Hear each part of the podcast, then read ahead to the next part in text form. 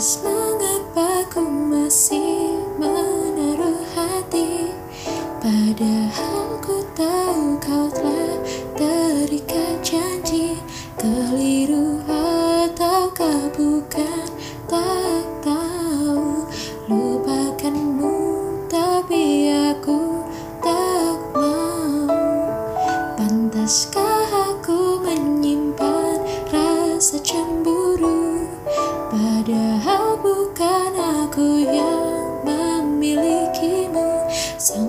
Sampai kapankah ku tak tahu Akankah akal sehat menyadarkanku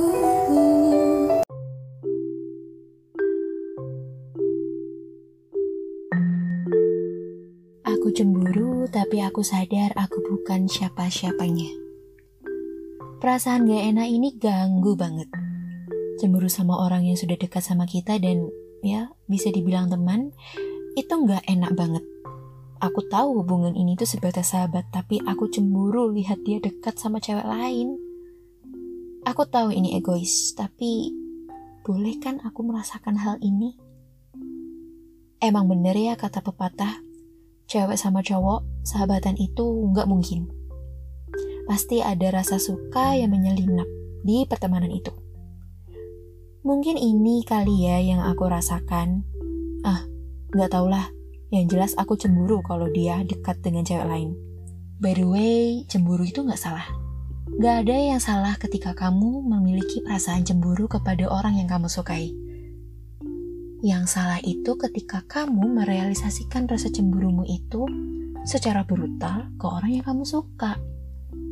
Seperti tiba-tiba posesif sama dia padahal kamu bukan siapa-siapanya. Atau tiba-tiba kamu marah-marah gak jelas, bikin dia bingung, hanya anak kenapa sih?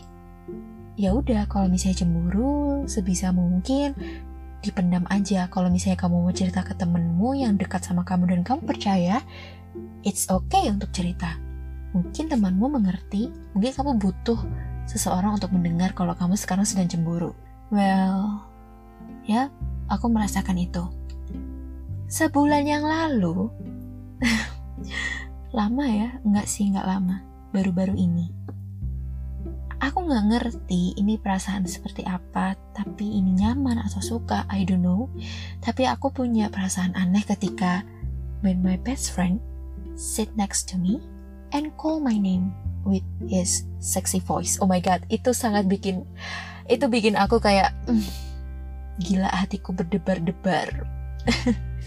Tapi semakin ke sini aku jadi sadar kalau perasaan itu cuma nyaman doang, bukan suka.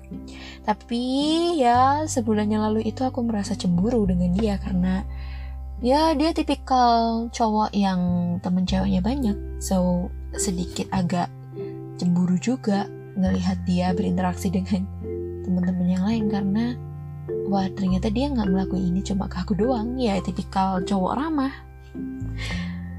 gimana ya? Aku memaklumi itu sih. Aku menerima perasaan cemburu itu. Jadi aku kayak ya udahlah sebulan yang lalu aku dipenuhi rasa cemburu biarin rasa itu menghantui dulu nanti lama-lama dia juga bakal hilang. But ya yeah, sekarang perasaan itu hilang. Cemburu itu hilang rasa sukanya hilang rasa nyamannya hilang karena lain hal. Cemburunya tuh apalagi ya? Oh waktu itu dia tuh cerita kalau misalnya he has someone he love gitu.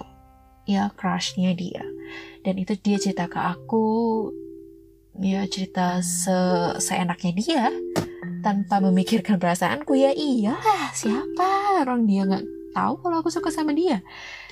Ya dengan itu aku langsung kayak punya perasaan bisa nggak sih kamu lihat ke aku? Di sini aku suka sama kamu. Kayak gitu tuh.